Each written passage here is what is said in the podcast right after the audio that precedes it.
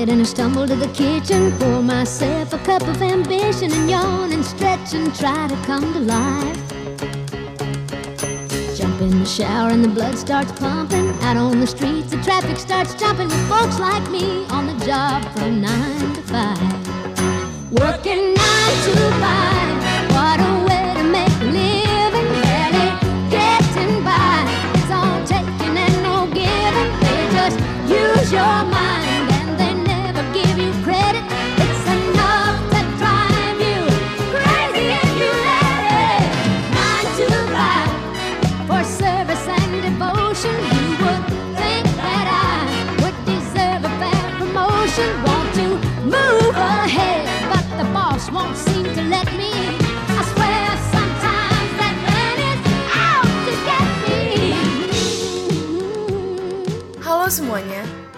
kenalin, nama aku Valen. Kali ini aku mau bahas topik yang menarik banget nih, yaitu tentang pengaruh gender sebagai konstruksi sosial terhadap pasar tenaga kerja. Lebih spesifiknya lagi, aku bakalan bahas tentang perempuan atau wanita dalam dunia kerja nih. Eits, tapi tenang aja, aku nggak sendirian kok. Kali ini aku didampingi sama tiga orang teman aku yang keren-keren banget nih. Dan pastinya mereka berasal dari latar belakang yang berbeda juga loh. Yang pertama di sini ada Ibu Almas. Halo Almas. Halo. Nggak sih, sebenarnya bukan ibu-ibu. Maaf ya mas. Dan yang kedua ada calon filosof kita nih, Raffi, tapi cewek. Halo. Halo Raffi, dan yang terakhir nggak afdol juga dong kalau bahas tentang perempuan, tapi nggak lihat dari sudut pandang laki-lakinya. Di sini kita udah ada Ojan. Halo. Halo Ojan. Nah teman-teman, kalian pasti pernah denger kata gender dong. Menurut kalian, gender tuh apa sih? Menurut aku gender itu sesuatu yang membedakan antara sifat manusia yang maskulin dan feminim. Oke, singkat, padat, jelas ya mas. Oke, baiklah. Sekarang, Rapi, gimana Pi? Eh, jadi gender itu menurutku merupakan kategori yang dibentuk manusia supaya eh, supaya manusia bisa mengekspresikan dirinya sendiri ke dalam masyarakat. Nah, eh, untuk klasifikasinya itu bergantung pada dua ini, dua kecenderungan yaitu maskulinitas dan feminitas. Nah, kalau jenis-jenisnya ini banyak, tapi ter, eh, peng- pengkategorian kepada sendiri ini bergantung pada eh, persentase maskulinitas dan feminitas yang ada dalam diri kita ini sendiri. Nah, seperti contohnya kalau misalnya dominan maskulin dia bisa dikatakan sebagai male dan kalau dominan mas eh, dominan feminin dia bisa dikatakan female dan kalau misalnya tidak dua-duanya ada non binary atau gender fluid itu jika berubah-ubah antara female dan male itu kayak gitu. Nah, eh, gimana cara menentukannya? Cara menentukannya itu bergantung pada kegiatan kita sehari-hari yang eh, dapat tercermin melalui tiga aspek yaitu aspek tatanan kita, tatanan bagaimana kita pola hid- berpola hidup itu. Nah, lalu eh, ada juga simbol-simbol kayak bagaimana kita mengungkapkan pra- pra- apa apa yang ingin kita lakukan dan sebagainya. Lalu eh, yang ketiga ada namanya ini peran. Peran kita dalam masyarakat itu lebih lebih dominan maskulin atau femininnya seperti itulah. Nah, tapi eh, yang jelas di ketiga ini tidak bergantung kepada jenis kelamin kita karena kita bisa ngatur semuanya eh, lewat pikiran kita gitu. Jadi nggak bergantung sama yang ada di bawah tapi yang di atas gitu sih. Super sekali calon filsuf kita. Emang bener-bener ya. Sampai disebutin klasifikasinya segala, indikasinya segala, totalitas sekali. Makasih Raffi. Oke, kita beranjak ke Ojan. Kalau menurutku sendiri, gender itu tidak hanya membatasi eh, dari segi seksualitas seseorang saja. Lebih daripada itu, menurutku, gender lebih kepada eh, pemisahan antara maskulinitas dan feminitas, sehingga nanti akan membentuk eh, sebuah dikotomi baru, yakni identitas gender seperti itu. Emang mantep banget dah Bapak Senator kita yang satu ini. Bener banget nih teman-teman. Menurut Wikipedia, gender adalah serangkaian karakteristik yang terikat kepada dan membedakan maskulinitas dan feminitas.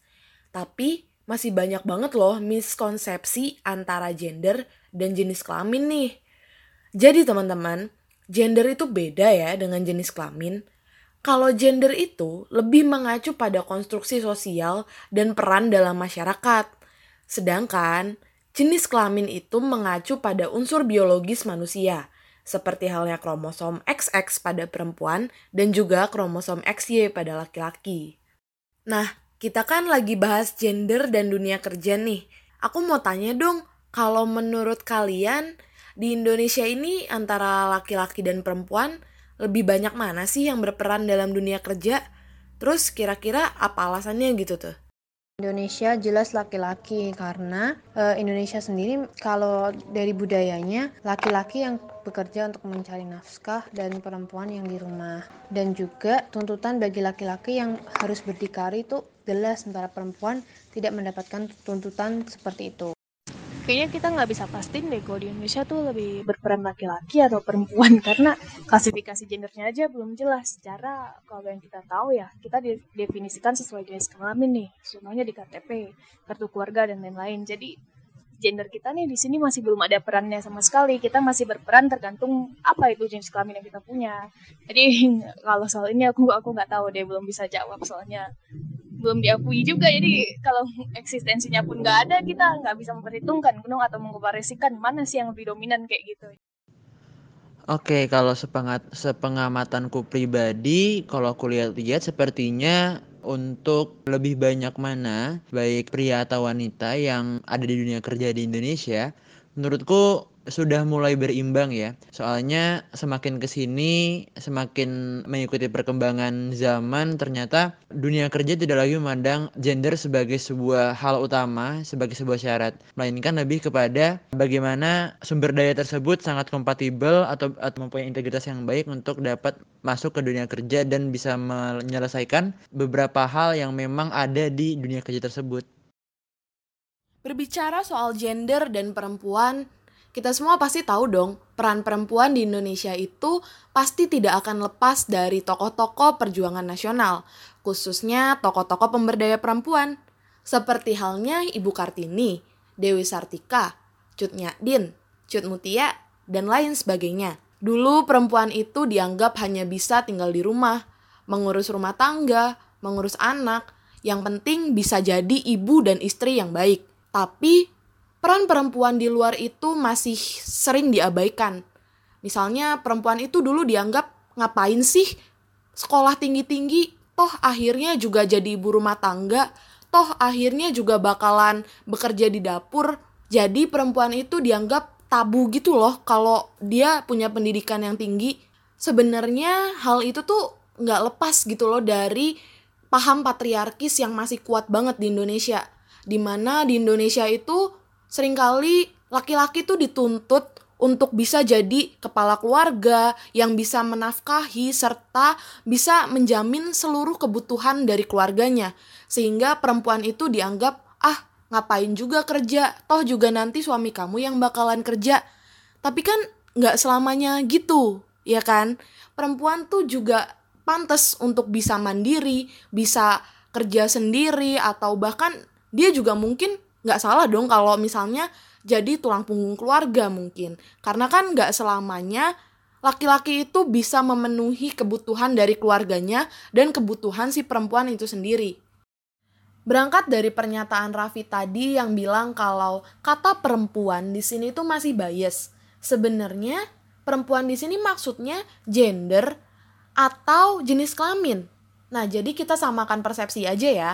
Kalau yang dimaksud perempuan di sini adalah dua-duanya, yaitu gender sekaligus jenis kelamin. Jadi, kalau kita berbicara tentang partisipasi perempuan dalam masyarakat, sebenarnya udah meningkat drastis jika dibandingkan dengan masa pra-kemerdekaan dulu. Karena sekarang tuh perempuan udah bisa lebih berekspresi, bisa mempunyai hak-hak yang sama seperti dengan laki-laki. Namun, sayangnya Hingga pada saat ini, keterlibatan perempuan dalam dunia kerja itu masih di bawah laki-laki. Bener banget kata Almas tadi nih. Faktanya, statistik menunjukkan bahwa tingkat partisipasi angkatan kerja perempuan itu masih jauh di bawah laki-laki, yang mana perempuan itu ada di angka 50,7 persen, sedangkan laki-laki sudah menginjak angka 81,80 persen pada tahun 2017. Lebih parahnya lagi, keterlibatan perempuan dalam parlemen itu masih kecil banget loh. Lebih tepatnya 19,8 persen pada tahun 2017.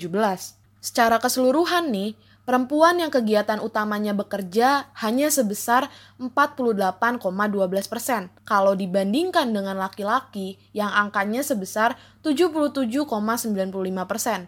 Hal ini pastinya nggak terlepas dari pernyataan aku tadi nih, yang mana di Indonesia tuh masih kuat banget kalau laki-laki tuh harus jadi tulang punggung keluarga yang bekerja dan memenuhi kebutuhan keluarganya. Nah, terus juga Hal ini nggak terlepas dari tingkat pendidikan dong pastinya. Yang mana tingkat pendidikan perempuan itu yang mengenyam pendidikan SMP ke atas hanya sebesar 44,47 persen. Masih lebih rendah dibandingkan dengan laki-laki yang sebesar 53,21 persen. Menggabungkan dari itu semua, ada satu lagi nih teman-teman, yaitu yang namanya indeks ketimpangan gender yang mana kalau angkanya semakin tinggi itu berarti angka ketimpangannya semakin tinggi juga. Sebenarnya kalau dibandingin sama negara-negara di Timur Tengah, Indonesia nih udah lumayan bagus gitu loh. Tapi angkanya masih ada di atas angka rata-rata indeks ketimpangan gender dunia yang mana Indonesia itu mencapai angka 45% pada tahun 2017, sedangkan rata-rata dunia yaitu 44%. Jadi Indonesia itu ketimpangan gendernya masih 1% di atas rata-rata dunia. Udah cukup bagus memang, tapi harusnya bisa lebih bagus lagi sih. Nah, ada kabar baiknya nih, yaitu indeks pembangunan manusia pada perempuan di Indonesia itu bisa dibilang nilainya itu peningkatannya lebih drastis gitu dibandingkan dengan laki-laki. Yang mana pada tahun 2018 nilai kecepatan pertumbuhan IPM wanita atau perempuan itu tuh sebesar 0,87 persen, sedangkan laki-laki pada angka 0,77 persen.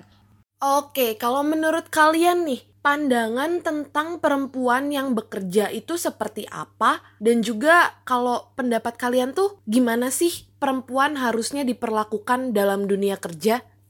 Perempuan yang bekerja itu hebat karena dia masih harus multiperan karena kalau perempuan nggak cuma kerja aja pasti banyak hal lain yang harus dia urus baik di rumah maupun di keluarga dan pertanyaan selanjutnya di dunia kerja perempuan itu harus um, harus diperlakukan setara namun sekarang masih merupakan tantangan karena kita masih berada di ekosistem yang kebanyakan itu laki-laki biasanya di beberapa pekerjaan kalau di sini kan yang sama kita bahas definisi perempuan itu kan masih bias ya di sini.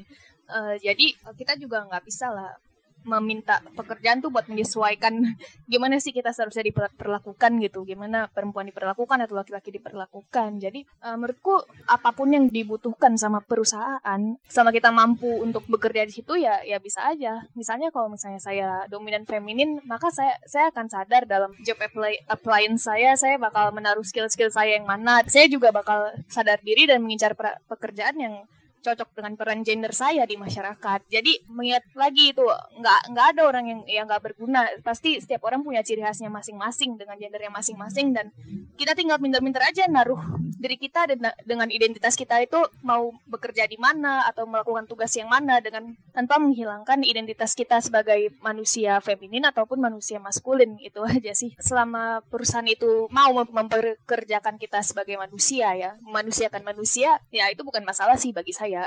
Jadi ya idealnya manusia itu diperlakukan sebagaimana aja gitu. Nggak perlu lihat gender sih karena uh, untuk untuk bekerja dan mendapatkan timbal baliknya itu yang yang penting sih. Karena biar kita bekerja tuh nggak sia-sia aja. Jadi menurut saya peran gender di Indonesia tuh belum dipandang gitu. Gender tidak berperan sih di dunia kerja Indonesia. Menurut subjektivitasku perempuan tuh harus berdaya ya.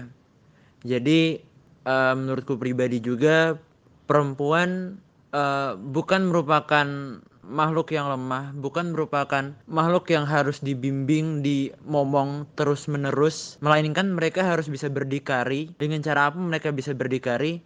dengan cara uh, mereka memperoleh independensi dalam dunia kerja itu sendiri di mana dunia kerja pun harus mendukung ketersediaan berbagai sarana perempuan untuk dapat menjadi perempuan yang tangguh. Seperti halnya walaupun kita mengetahui uh, ada beberapa kodrat lahir dari perempuan yang tidak bisa kita sangkal yaitu seperti menyusui, melahirkan. Nah, dunia kerja pun juga harus menyediakan akses terhadap hal tersebut seperti menyediakan uh, ruang khusus ibu menyusui di dalam uh, dunia kerja seperti itu.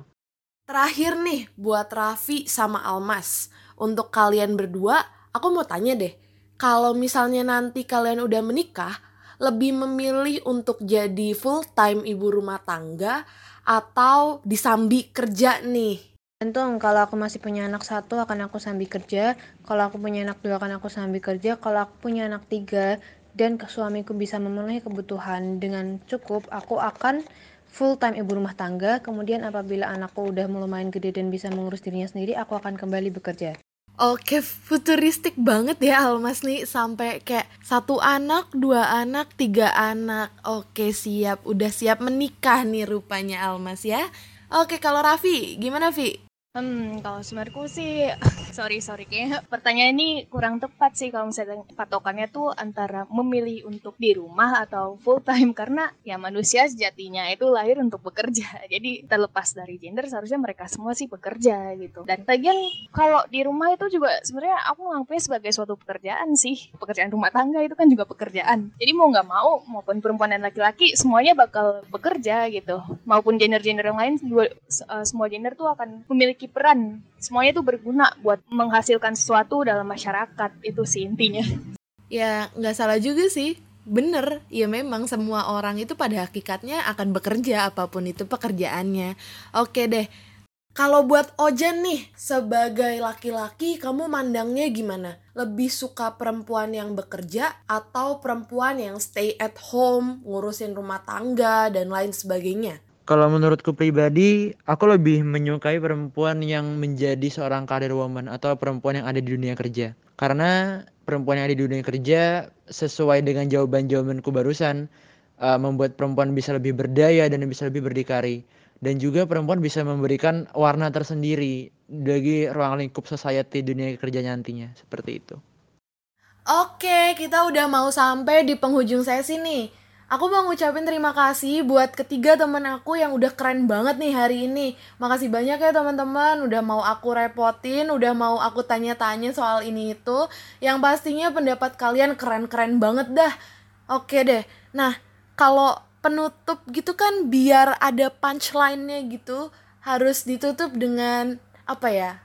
Kata-kata yang bijak gitu kali ya. Ya udahlah, langsung aja kita tutup. Perempuan tak dipungkiri memang terlihat lemah dan mudah terluka. Namun mereka lebih dari yang terlihat. Perempuan bisa melakukan banyak pekerjaan. Perempuan pantas untuk mempunyai gelar dan posisi yang tinggi. Tak hanya itu, perempuan juga pantas untuk jadi pemimpin. Tak hanya laki-laki saja yang pantas untuk memperoleh semua itu. Tak hanya laki-laki saja yang bisa bersinar dan membara. Because girls can be on fire too.